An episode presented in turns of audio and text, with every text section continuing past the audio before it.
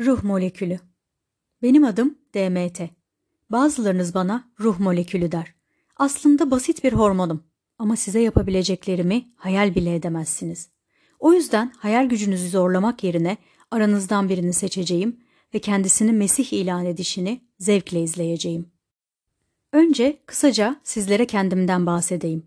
DMT yani dimethyltriptamin isminden pek hoşnut değilim.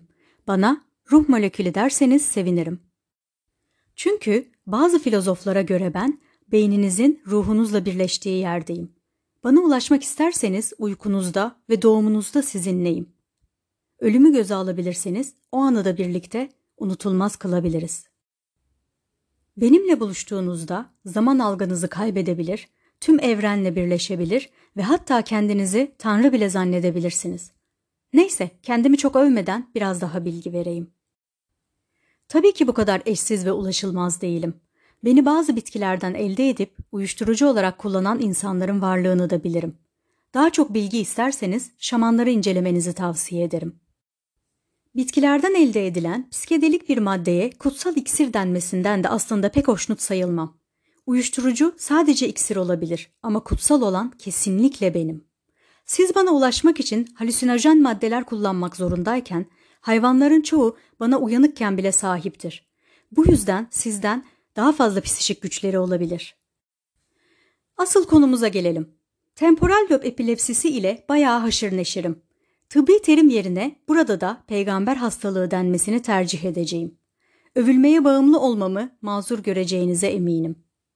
Bu hastalıktan mustarip olanların beyni DMT salgılayabildiği için hepinizden farklı dünyaların kapısını aralayabildiklerini ve farklı alemlere yolculuk edebildiklerini düşünürler.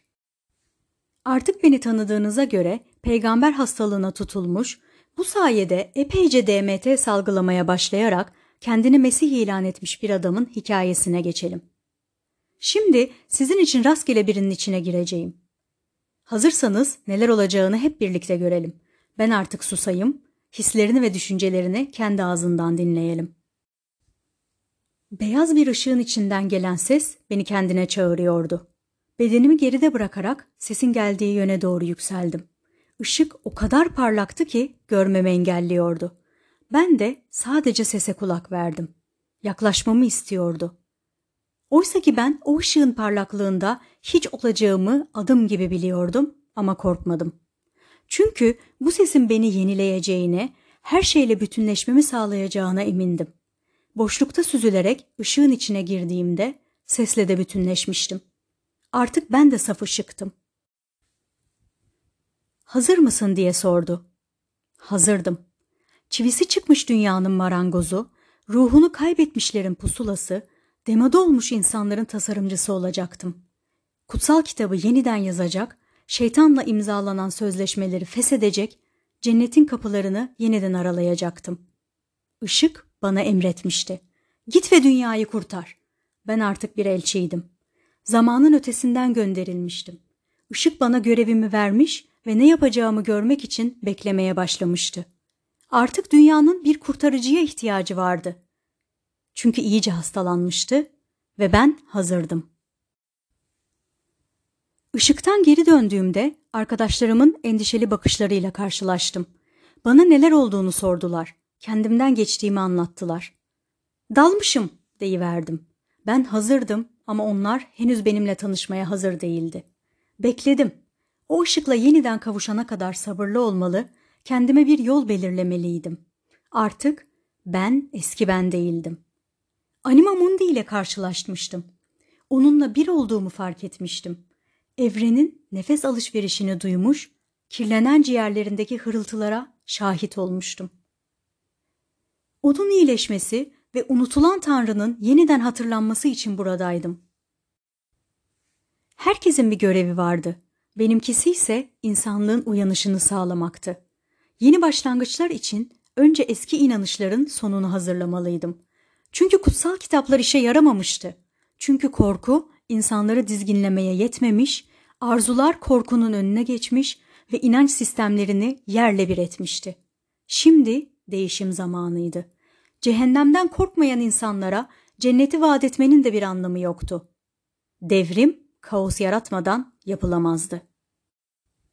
Işık'la ikinci buluşmamızda yalnızdım. Bu sefer görevimi tamamen anlamıştım. Artık kimseye inanmayacağı bir kitapla kurallar koymayacaktım. Bana inanmaları için mucizeler yaratmayacaktım. Çünkü biliyordum ki sırtımda melek kanatlarıyla gökyüzünden yeryüzüne insan bile birileri benim illüzyonist olduğumu iddia edecek ve beni şarlatanlıkla suçlayacaktı. Zaman değişmişti. Artık herkes bencildi. Hayatta kalmak için herkes önceliği kendine vermişti. Haksız da sayılmazdı ama bütünden kopup tek olmanın kendi sonunu hazırlayacağı gerçeğini atlamıştı. Çünkü insan sosyal varlıktı ve bu sosyalleşme sanallaştıkça kendi karanlığında boğuluyor, bunun farkında bile olmuyordu. Sanal kahramanlıkla dünyayı kurtaracağına inandıkça kendi hayal dünyasında kayboluyordu. Devrim lazımdı ve bu devrim ancak kaosla sağlanabilirdi. Anima Mundi işini bilirdi.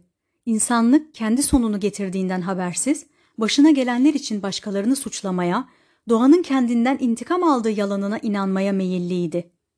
İntikam öyle bir şey değildi ki, intikam insani bir cehennemdi. Anima Mundi ise cennetin ta kendisiydi. Gözle görülmeyecek kadar ufak, canlı bile sayılmayacak bir virüs, bir peygamberden çok daha büyük bir kaosun habercisiydi. Çünkü insanlığı harekete geçiren mucizeler değildi, korkuydu. Kendini o kadar değerli görüyordu ki tek derdi hayatta kalabilmekti. Çünkü dünyanın ona ihtiyacı vardı. Çünkü dünya onsuz dönemezdi. Ben yetişmesem, Anima Mundi beni seçmese, insanlığın kibri bir gün kendi sonunu getirecekti. Tek yapmam gereken virüsün ağzından bir mektup yazmak, internete yayılmasını ve her dile çevrilmesini sağlamaktı. Bir sosyal medya hesabı açmak üzere bilgisayarın başına oturdum. Bana kullanmak istediğim adı sordu. İnsanlar bana nasıl hitap etmek istiyorsa adım o diye düşündüm. Ama bilgisayar beni tanıtmak için illa bir adım olsun istiyordu. Başkalarıyla paylaşabileceği bir isim, benle sosyalleşeceklerin bir fikir sahibi olması için bir ünvan. İsimler yalnızca etikettir ve seni bir kalıba sokmaya meyillidir. Ben kim ne görmek istiyorsa ondan ibaret olacaktım. Sosyal medya komplo teorileriyle kaynarken arada kaybolacağımı anladım. Bu iyi bir fikir değildi. Sonra aklıma başka bir şey geldi. Bilgisayar mühendisi ve iyi bir hacker olmanın avantajlarından faydalanacaktım. Kimseye mesaj göndermeyecek, herkesin kendi kendine mesaj göndermesini sağlayacaktım. Bunun için yapmam gereken çok basitti mobil şirketlerin veri tabanına ulaşacak ve aynı saatte herkesin telefonuna aynı mesajı atacaktım. Onlarca dile çevrilmiş, onlarca ülkenin vatandaşına aynı saatte aynı mesaj gidecekti. Ondan sonra da adım kaos olacaktı. Tüm komplo teorilerini geride bırakacaktı.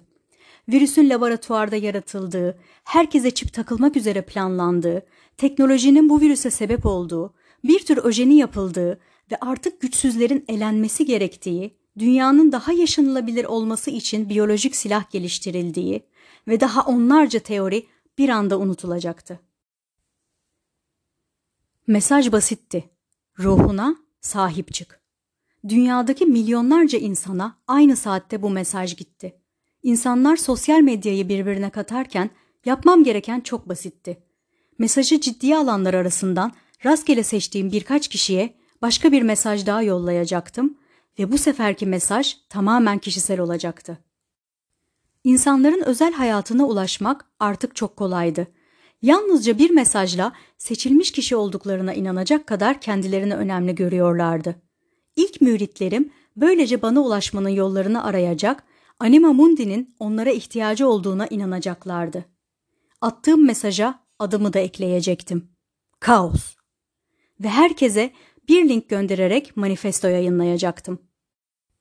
Yeni dünya düzeninde hepsine görevlerini verecek, ruhuna sahip çıkmak isteyenlere dünyayı kurtarma şansı verecektim.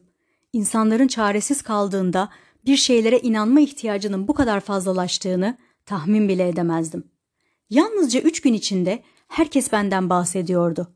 Manifesto tüm dillere çevrilip dünyayı dolaşıyor, insanlar uyanışa geçiyordu.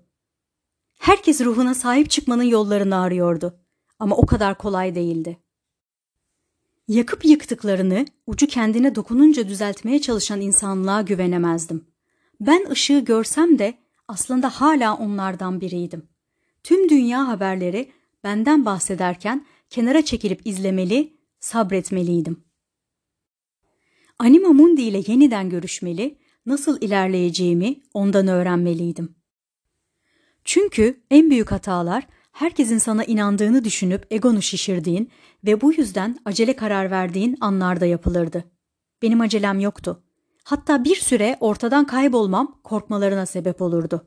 Korkuyu hatırlamalılar, arzularını bir kenara bırakmalılardı. Arzuları yüzünden cehennem ateşini unutan insanlar ruhları için korkuları hatırlamalılar ve artık bir şeyler yapmalılardı. Birkaç gün bekledim. Anima Mundi'nin ışığıyla bütünleşemedim.